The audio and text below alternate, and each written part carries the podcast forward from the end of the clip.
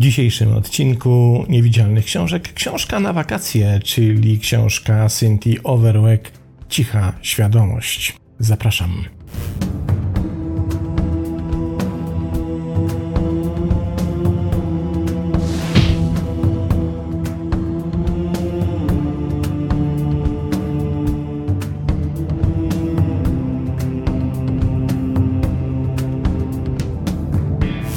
Właśnie rozpoczęły się wakacje i pomyślałem sobie, że może to dobry pomysł, żeby zaproponować Wam książkę właśnie na wakacje.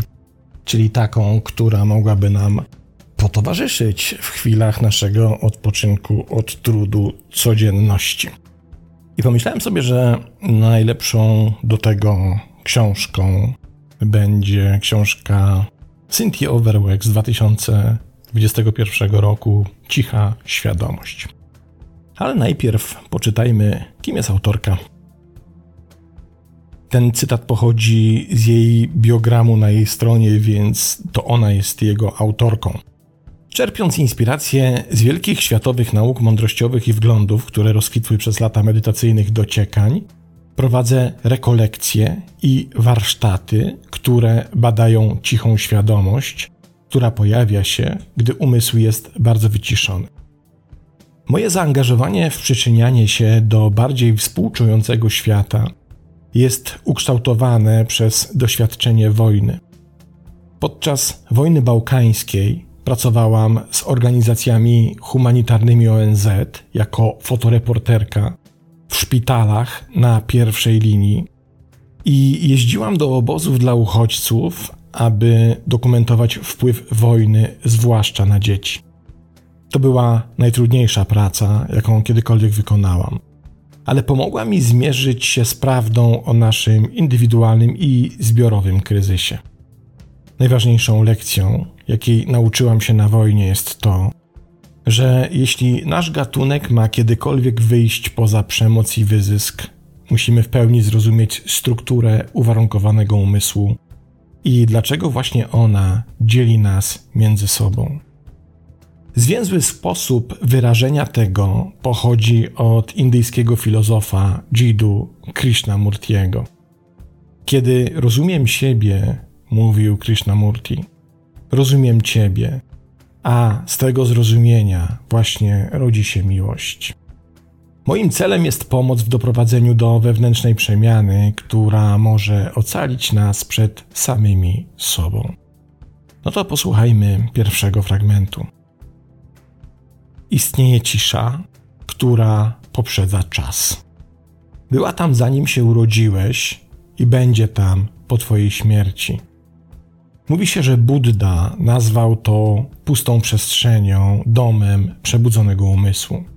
W dziejach apostolskich jest to cisza, w której żyjemy, poruszamy się, jesteśmy. Dla mistyka najgłębsza cisza jest odwiecznym głosem wzywającym nas do domu, do naszej prawdziwej jaźni. Cisza, która budzi nas do naszej prawdziwej natury, była również określana jako cicha świadomość, wieczność, Bóg, umysł Buddy, świadomość Chrystusa, świadomość uniwersalna, święta cisza, obecność, nieuwarunkowana miłość, jaźń lub nieznane ale bez względu na to, jak odważne mogą być nasze wysiłki, aby przypiąć temu etykietę, słowa nie są w stanie oddać jej prawdziwej istoty. Cisza po prostu jest. Tajemnica cichej świadomości wykracza poza wszystkie religie i wszystkie organizacje duchowe. Nie można jej kupić, sprzedać ani oddać. Może pojawić się i zniknąć w mgnieniu oka lub utrzymywać się przez chwilę nie ma żadnych zasad regulujących jej dostępność, czas trwania ani częstotliwość. Żadna ustalona ścieżka ani technika ci jej nie zagwarantuje, ponieważ nie jest to rzecz, którą nabywasz jak nową parę butów. Ta potężna i uzdrawiająca cisza była w tobie i wokół ciebie przez cały czas. Jesteś w niej, a ona jest w tobie, jednak z nielicznymi wyjątkami pozostaje niezauważona. Dlaczego? Co stoi na przeszkodzie świadomości twojej najgłębszej istoty? Mistycy i mędrcy mówili od wieków, że to nasz skonfliktowany umysł zasłania ciszę, która jest poza czasem. Odsłaniając tę ukrytą obecność, znika konflikt i smutek, ale pytanie brzmi zawsze brzmiało: czego się od nas wymaga, jeśli naprawdę chcemy się uwolnić. W bezruchu natury umysł może zostać oczyszczony z hałaśliwych treści, a następnie przez kilka sekund panuje wystarczająca wewnętrzna cisza, aby zjednoczyć się z niesamowitym pięknem i spokojem tego, co widać. Jest tak piękny, że zapiera dech w piersiach, a może nawet wzrusza do łez. Naprawdę spokojny umysł otwiera serce. To, co obserwuje się w takich cichych chwilach, to rezonans z duchowym pięknem w centrum waszej istoty.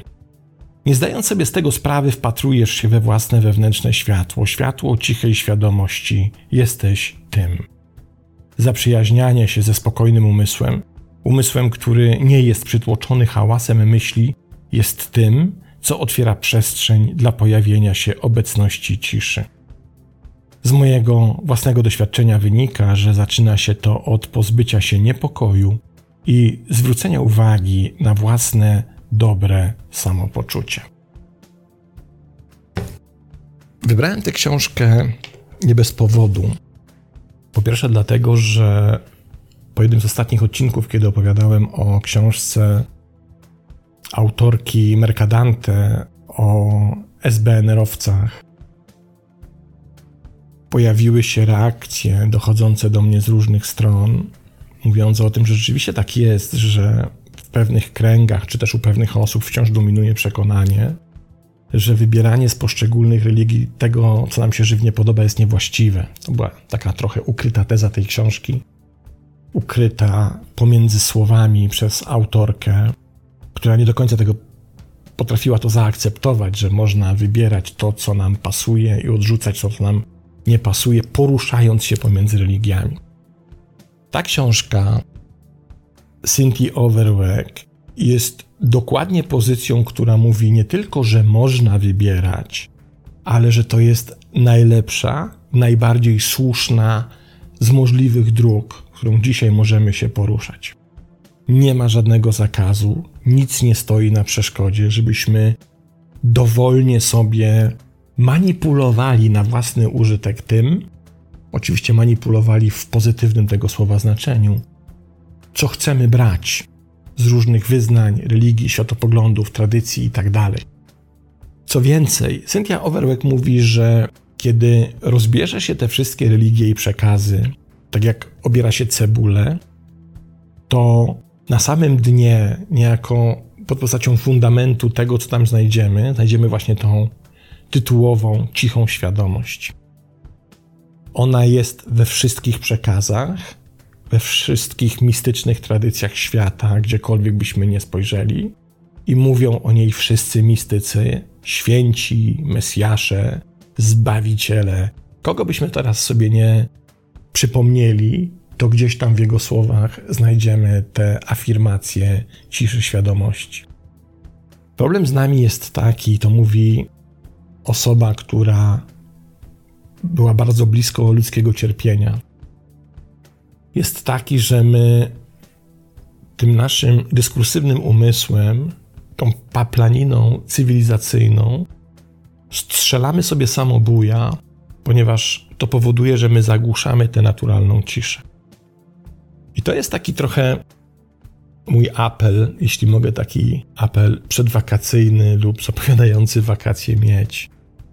Kiedy próbujemy odpocząć od trudu życia, a jest coraz trudniejsze i to nie ma z tym dyskusji, to im większy hałas będzie towarzyszył temu odpoczynkowi, tym mniejszy to będzie odpoczynek. Im więcej krzyku naokoło, tym bardziej zagłuszymy tę cichą świadomość, a my potrzebujemy tej cichej świadomości, by jak mówi autorka, spotkać się z Bogiem, ale przede wszystkim, by spotkać się z samym sobą, lub też na takim bardzo prostym, podstawowym poziomie, po prostu odpocząć. Nie da się odpocząć w jakiejkolwiek sytuacji, w której ta nasza wewnętrzna, cicha świadomość jest zagłuszana.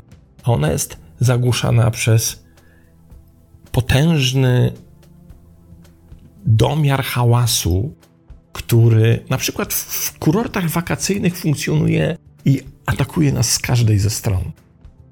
Ja Przyznam szczerze, nie pamiętam większego ludzkiego hałasu ze swojego doświadczenia niż i nie mam tutaj na myśli na przykład koncertu ACDC na Stadionie Śląskim w 1992 roku z supportem Metaliki, ale na przykład targowisko w Palermo, gdzie wytrzymaliśmy z Dorotą 10 minut poszukiwań pewnego olejku, który tam bardzo chciałem znaleźć, ale mniejsza o to, dlatego że ci wszyscy ludzie, ci straganiarze, to był niedzielny poranek, tak krzyczeli z tych swoich straganów, jakby próbując zareklamować te swoje wiktuały, którymi handlowali, było nie do zniesienia. To samo się dzieje w kurortach, to samo się dzieje na plażach, to samo się dzieje, kiedy przechadzamy się tą wieczorną aleją miejscowości wypoczynkowej i słyszymy te nieustające dźwięki dyskotek, koncertów, muzyki itd., tak itd. Tak kiedy jesteśmy poddani takiemu atakowi bardzo wielu różnych, wręcz kakofonicznych dźwięków, to im gęstszy jest to atak, tym te wrota do nas samych stają się coraz bardziej dla nas niedostępne i zamknięte.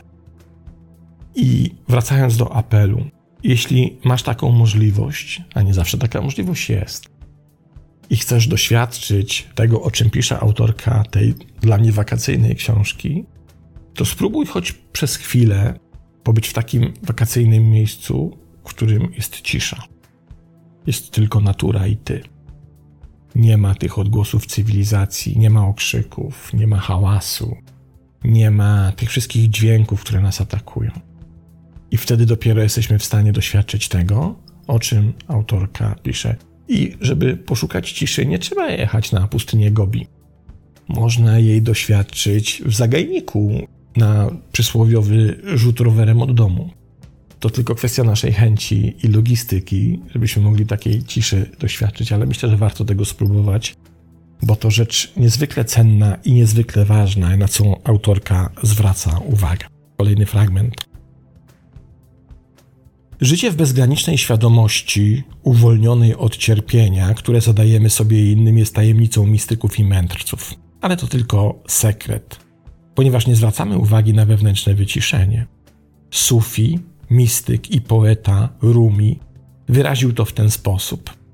Istnieje pewien głos, który nie używa słów. Słuchaj tego głosu. Aby lepiej zrozumieć naturę ponadczasowej świadomości i możliwości wykroczenia poza zwykły myślący umysł, pod koniec dwudziestki zaczęłam zgłębiać buddyzm tybetański, sufizm, hinduizm, zen i kontemplacyjne chrześcijaństwo. Odkryłam, że wszystkie te nauki mądrości są bardzo pomocne i dość podobne pod względem nacisku na współczucie i wewnętrzny spokój. Później w moich poszukiwaniach natknęłam się na oświeconą pracę Krishnamurtiego, pracę Gurdjieffa, Ramany Maharishiego, Nisargaty Maharaja i innych, którzy uosobiają niedualne podejście do duchowego zrozumienia i właśnie tam czuję się jak najbardziej jak w domu. Zasadniczo istnieje tylko jedno istnienie, jedna żywa, cicha świadomość, która ożywia nas i wszystkie inne formy życia i jest stworzona z miłości. Ta sama cisza jest w Tobie, we wszystkich i we wszystkim. To pierwotna świadomość, która ożywia nasz oddech i całe istnienie. Sufickie przysłowie przypisywane Rumiemu mówi to doskonale: To, czego szukasz, szuka ciebie. A jednak nie możemy nic zrobić, aby zaprosić, zmusić lub błagać ciszę do powstania. W rzeczywistości świadomość ciszy pojawia się poprzez niedziałanie i niedążenie do celu. Ambicja osiągnięcia rezultatu nie otworzy wewnętrznych drzwi do sakrum. To tajemnica, której zwykły umysł nie jest w stanie pojąć, a ambicja sprawia, że kręcisz się w kółko. Myślący umysł zamyka drzwi do cichej świadomości swoim ciągłym brzęczeniem myśli, opinii i osądów. W buddyzmie nazywa się to małpim umysłem, ponieważ podobnie jak małpa, myślący umysł robi strasznie dużo hałasu. Podporządkowanie się myślącemu umysłowi jest rodzajem szaleństwa. Równie dobrze moglibyśmy nosić kaftan bezpieczeństwa, ponieważ wiecznie mówiący umysł jest więzieniem, które sami zbudowaliśmy, które powstrzymuje nas przed odkryciem transcendentalnej natury naszego własnego istnienia. To właśnie sprawia, że tak trudno jest złamać urok myślącego, egotycznego umysłu, ponieważ dopóki nie jesteśmy świadomi naszych wzorców myślowych, automatycznie wierzymy w to, co myślimy. Ale wszystko nie jest na próżno, ponieważ w chwili, gdy uznamy, że nie jesteśmy naszymi myślami, nie jesteśmy opowieściami, obrazami przechowywanymi w naszym mózgu na temat przeszłości lub przyszłości i przestaniemy w nie wierzyć, nastąpi wolność od tyranii gadającego umysłu, przynajmniej przez chwilę. To jest trochę tak, jakbyśmy żyli w naszej współczesnej cywilizacji na tyle akceptując wszechdobywający się hałas, że przestaliśmy uważać go za coś niepokojącego, zdrożnego czy przeszkadzającego. I pomyślałem sobie, czytając tę książkę, że można tutaj wykorzystać taką metaforę, jak pewnie widzieliście, nie wiem jak się nazywają tego typu programy telewizyjne, ale są takie programy, które pokazują zawodników biegających przez zadziwiające tory przeszkód. Kto szybciej, kto sprawniej przebiegnie pomiędzy obracającymi się zębatymi, olbrzymimi kołami itd. Tak I wyobraźcie sobie taką bardzo wąską belkę zawieszoną nad jakimś, nie wiem, urwiskiem czy nad czymś takim, z czego można spaść i zrobić sobie krzywdę. I biegniemy po tej belce, a nad tą belką, jak takie olbrzymie wahadła, fruwają potężne młoty. I żeby przebiec na drugą stronę, musimy na tyle sprytnie tą belką zmierzać, by nie dać się strącić uderzeniem takiego potężnego młota. A teraz wyobraźmy sobie, że każdy taki młot jest metaforą hałasu, który musimy pokonać na naszej duchowej ścieżce. Pierwszy młot to jest hałas Twojego własnego umysłu. To jest ta paplanina, która się w nim odbywa nieustannie. Musisz być bardzo sprytny, bardzo sprytna, żeby udało ci się przebiec tą ścieżką, nie otrzymawszy ciosu, który cię z tej ścieżki wywali, wywróci i spowoduje, że z niej spadniesz. Kolejny młot to hałas cywilizacyjny, to to, że kiedy spotykamy się z ludźmi, oni wiecznie gadają, że zakrzykują swoje emocje, zakrzykują swoje myśli, że uważają, że cisza jest niepokojąca, więc się w niej czują na tyle dyskomfortowo, że muszą koniecznie ją przerwać czymkolwiek, jakimś głupim gadaniem, czy czymkolwiek co spowoduje, że nie będą się czuli dyskomfortowo w ciszy. Kolejny młot to jest sytuacja, w której ktoś chce odpocząć, leży na plaży, chce doświadczyć natury, a obok się kładzie gość i puszcza na full jakieś kurcze radio z jakąś muzyką dyskotekową, rapem blokowiskowym czy czymkolwiek. I uważa, że to jest w porządku, że on może słuchać tak głośno muzyki i wszyscy dookoła w promieniu 50 metrów muszą również jej słuchać. To jest kolejny młot. Kolejny młot to kłócący się na ulicy ludzie, ponieważ jeden drugiemu zajechał drogę, więc się drą na siebie. I teraz my biegniemy tą ścieżką i musimy być bardzo sprytni, żeby nie dać się z niej zrzucić przy pomocy tych młotów, przez te młoty, które musimy omijać. No, nie jest to komfortowy spacerek, prawda? To jest bardzo wymagająca ścieżka. To jest wyjątkowo trudna rzecz do pokonania w ogóle, żeby w ogóle nią przejść. To teraz wyobraźmy sobie, że to jest nasza duchowa ścieżka, którą próbujemy zmierzać, kiedy nie zwracamy uwagi na hałas kiedy pozwalamy, by ta nasza cicha, wewnętrzna świadomość była przez te wszystkie młoty zagłuszana. Trudno się spodziewać, że w tak wymagających okolicznościach ta nasza ścieżka duchowa będzie prosta do ogarnięcia, będzie prostą rzeczą. To jest wyjątkowo trudne. To dlatego, według koncepcji autorki, tak wielu ludziom się ta ścieżka nie udaje. Właśnie dlatego, ponieważ idziemy w tych wahadłach walących w nas młotów olbrzymich, pełnych hałasu. Trudno się idzie i trudno gdziekolwiek dojść, a o zmęczeniu i wyczerpaniu energetycznym już nie wspomnijmy. Wgląd płynący z cichej świadomości jest ostatecznym nośnikiem mądrości, ponieważ objawia się tobie bezpośrednio. Nie jest to mądrość pożyczona od kogoś innego. To jest twoje własne. Nikt nie może cię poinstruować, jak być tym, kim już jesteś w najgłębszej części swojej istoty. Bycie zanurzonym w ciszy oznacza rezygnację z poczucia odrębnej jaźni bez wiedzy, jak to zrobić. Przysłowie rdzennych Amerykanów wyraża to samo wyzwanie innymi słowami. Mówią najdłuższa i najświętsza podróż, jaką kiedykolwiek odbędziesz, prowadzi z głowy do serca. Zrozumienie siebie poprzez uważne słuchanie to mądrość, której sami sobie udzielamy. Uczymy się, jak być swoim własnym nauczycielem. To najważniejsze przedsięwzięcie w naszym życiu, ponieważ sygnalizuje wzrost wewnętrznej wolności. W uważnym słuchaniu jesteśmy w stanie słyszeć nasze myśli, nie dając im mocy dominowania nad naszymi działaniami lub relacjami. Możemy wtedy sami przekonać się, że nie jesteśmy jedną z ról, jakie odgrywamy w życiu. Nie jesteśmy kolejką górską emocji, które tak szybko wybuchają z myśli, i nie jesteśmy ciałem, chociaż przez nie doświadczamy świata. W uważnym słuchaniu budzimy się w obliczu nieświadomych sił, które nas kształtują i rządzą naszym życiem. Stajemy się świadomi przebrań i rozproszeń umysłu myślącego i możemy się od nich uwolnić przynajmniej na jakiś czas. Słuchanie z uwagą przenosi cię z myślącego umysłu do chwili obecnej. I teraz uwaga. Na początek, by to wyćwiczyć, wystarczy zacząć słuchać wybranej muzyki, na przykład sakralnej. Na początek coś trwającego od 3 do 5 minut. Może to być dowolny rodzaj delikatnej muzyki, którą przekazuje spokój. Celem jest po prostu słuchanie i bycie świadomym doznań, które odczuwasz oraz tego, jak muzyka wpływa na Twoje ciało, umysł i serce. Co czujesz i gdzie to czujesz. Słuchaj spokojnie muzyki, najlepiej sam, sama, ale może to być też w towarzystwie innych osób. Po prostu zgódź się milczeć, dopóki muzyka się nie skończy.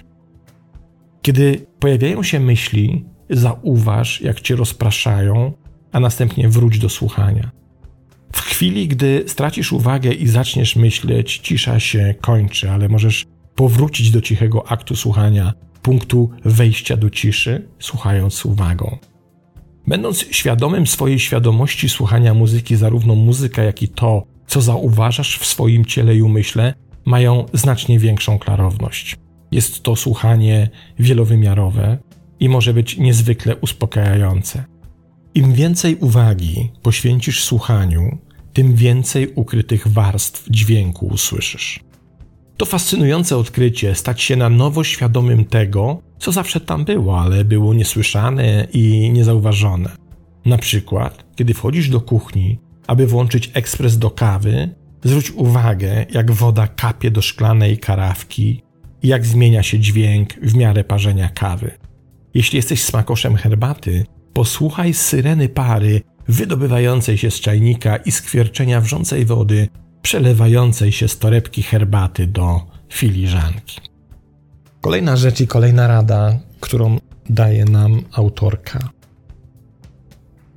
To dojście do źródła cichej świadomości możemy wyćwiczyć, tylko musimy się na to otworzyć. Jednym ze sposobów jest słuchanie muzyki. Tylko to, co my zazwyczaj robimy z muzyką, jest kolejnym samobujem, który sobie strzelamy. Powiem być może coś niepopularnego, ale jeśli wybierasz się na wakacje samochodem i w tym samochodzie przy 120-30 km na godzinę jadąc autostradą, kiedy słuchasz muzyki ze swojego samochodowego sprzętu, to, to, to nie o takie słuchanie chodzi. Zabijasz muzykę wtedy. Nie ma ani muzyki, ani odpoczynku, jest tylko nawarstwianie się sumujących się hałasów i kakofonii. Autorka mówi o czymś innym. Mówi o tym, że warto ćwiczyć od muzyki, to jest najprostsze i najłatwiejsze, ale trzeba spełnić kilka warunków. Otóż muzyka nie może być tłem. Jeśli muzyka jest tłem, to pozostaje tłem. Ona przestaje mieć takie znaczenie, o jakie chodzi autorce. Muzyka musi być głównym bohaterem tego, co robisz, a nie czymś, co jest gdzieś tam przypadkiem słyszane. Kiedy muzyka staje się głównym bohaterem, to słuchanie muzyki jest wyłącznie słuchaniem muzyki. Nie ma żadnej innej czynności. Nie ma myślenia o wczorajszym obiedzie, o przyszłej kolacji, o problemach, o zmartwieniach, o troskach itd. Tak jest słuchanie muzyki, nie ma niczego innego poza tym. Wtedy uwrażliwiamy nasz aparat słuchu na słyszenie tych dźwięków, które zazwyczaj pomijamy. Słuchanie muzyki uczy nas również słuchania przerw między nutami. Pojawia się zupełnie nowy świat wrażeń, nowy świat zmysłów. I oczywiście to nie chodzi o jakiś audiofilski sprzęt strasznie drogi. Chodzi o to, by poświęcić muzyce odtwarzanej w odpowiedniej jakości odpowiedni czas, odpowiednią atencję i odpowiednią uwagę. Jeśli tego nie robimy, to muzyka przestaje się różnić od tego, czego reprezentacją jest radio na budowie. To jest dokładnie taki sam system. To jest tak, jakby wziąć, nie wiem, rysunek Leonarda da Vinci i oryginał, i w ten rysunek zapakować dziecku kanapkę do szkoły. To jest ten sam rodzaj profanacji. Nie uczymy się wtedy niczego. Dopiero słuchanie muzyki w odpowiedni sposób i ćwiczenie tej muzycznej świadomości jest w stanie stworzyć w nas ten rodzaj aktywnego słuchania, o którym autorka pisze, a za jego pomocą jesteśmy w stanie udrożnić ten kanał wewnętrznego słuchania tej cichej świadomości, o który tutaj chodzi. Mój ukochany dominikański mnich i mistyk, mistrz Eckhart, często mówił o widzeniu, które ma miejsce w ciszy. Odniósł się do tego jako jedno oko, jedno widzące, jedno wiedzące, jedna miłość. To widzenie nie jest czymś, co możemy nakazać lub kontrolować. Jest nam dane od zawsze i jest także w nas. Widzieć z wewnętrzną świadomością to widzieć nasze prawdziwe relacje z innym światem. Ale nasze zwykłe relacje ze światem są przede wszystkim transakcyjne, a nie relacyjne. Postrzegamy świat i wszystkich w nim jako ułamek naszej osobistej aktywności na świecie, to jest bierne widzenie, patrzymy naszymi fizycznymi oczami i widzimy tylko zmysłami. A jest o wiele więcej do zobaczenia. W biernym widzeniu związek z tym, co widać, jest niewielki lub żaden. Widzimy tylko na powierzchni życia, bez głębszego wglądu. Nie ma autentycznego wewnętrznego związku z tym, co jest widziane, ani prawdziwego zainteresowania badaniem, które mogłoby ujawnić ubóstwo tego rodzaju widzenia. Innymi słowy, Istnieje zmysłowe doświadczenie widzenia, ale zmierza ono tylko w jednym kierunku tam, do obiektu. Nie ma w nim uwagi, a zatem nie ma wewnętrznej świadomości w akcie widzenia. Istnieje też czujne widzenie, mające cechę uwagi, która może być zarówno cicha, jak i czujna, gdy myślący umysł jest uśpiony. Uważne widzenie obejmuje również samoobserwację, świadomość swojego wewnętrznego związku z tym, co widzisz. Możesz wtedy zaobserwować natychmiastowy związek między myślą a uczuciem, a tym samym rozpoznać, że Twoje emocje są napędzane przez Twoje myśli. Dosłownie widzisz, co robi myślący umysł. Ta wewnętrzna obserwacja pozwala zwolnić tempo w stresującej sytuacji i być obecnym dla kogoś, kto potrzebuje pełni Twojej uwagi. Nawet jeśli wewnętrznie możesz odczuwać szereg emocji, niekoniecznie cię one przytłaczają, ponieważ jest więcej miejsca na krążenie w tobie ciszy. Wtedy możesz być autentycznym źródłem siły i troski, kiedy jesteś najbardziej potrzebny. Czujne widzenie jest trójkierunkowe. Jesteś świadomy tego, co widzisz, świadomy tego, co dzieje się w tobie, gdy patrzysz, a jednocześnie jesteś świadomy zarówno swojej wewnętrznej, jak i zewnętrznej reakcji na to, co widzisz. Strasznie dużo się wtedy dzieje, a to może się wydarzyć w ułamku sekundy. Świadomość tego widzenia jest o wiele bardziej złożona niż widzenie bierne, ponieważ jest w nim mniej przywiązania do własnego interesu, a więcej współczucia dla innych. Bierzemy odpowiedzialność za to, co myślimy i czujemy, ponieważ możemy dostrzec naszą własną rolę w interakcji czy to z osobą, zwierzęciem, czy czymkolwiek innym. Widzimy inaczej. To wewnętrzne widzenie jest rodzajem widzenia, które nas przemienia. Mistrz Eckhart zasugerował ponad 700 lat temu, że to, co zobaczył w oceanie cichej świadomości, jest czymś, co można opisać w następujący sposób: Oko, którym widzę Boga, jest tym samym okiem, którym Bóg widzi mnie. Kiedy patrzymy na gwiazdy w bezksiężycową noc, w miejscu, gdzie światła miast nie przesłaniają nocnego nieba, miliardy gwiazd wydają się wzywać nas, do głębszego spojrzenia na siebie. To tak, jakby rozgwieżdżone nocne niebo wiedziało o nas coś, czego my nie wiemy. I być może tak jest. Gwiazdy są nie tylko nami, są dosłownie w nas. A zatem przed wakacjami może warto rozważyć, by doświadczyć odrobiny ciszy, która nas nauczy słuchać, byśmy mogli zacząć zupełnie inaczej słyszeć, ale też inaczej widzieć, byśmy znaleźli siebie w tej ciszy, w przestrzeni pozbawionej tych wędrujących i fruwających młotów, i wtedy odpoczniemy.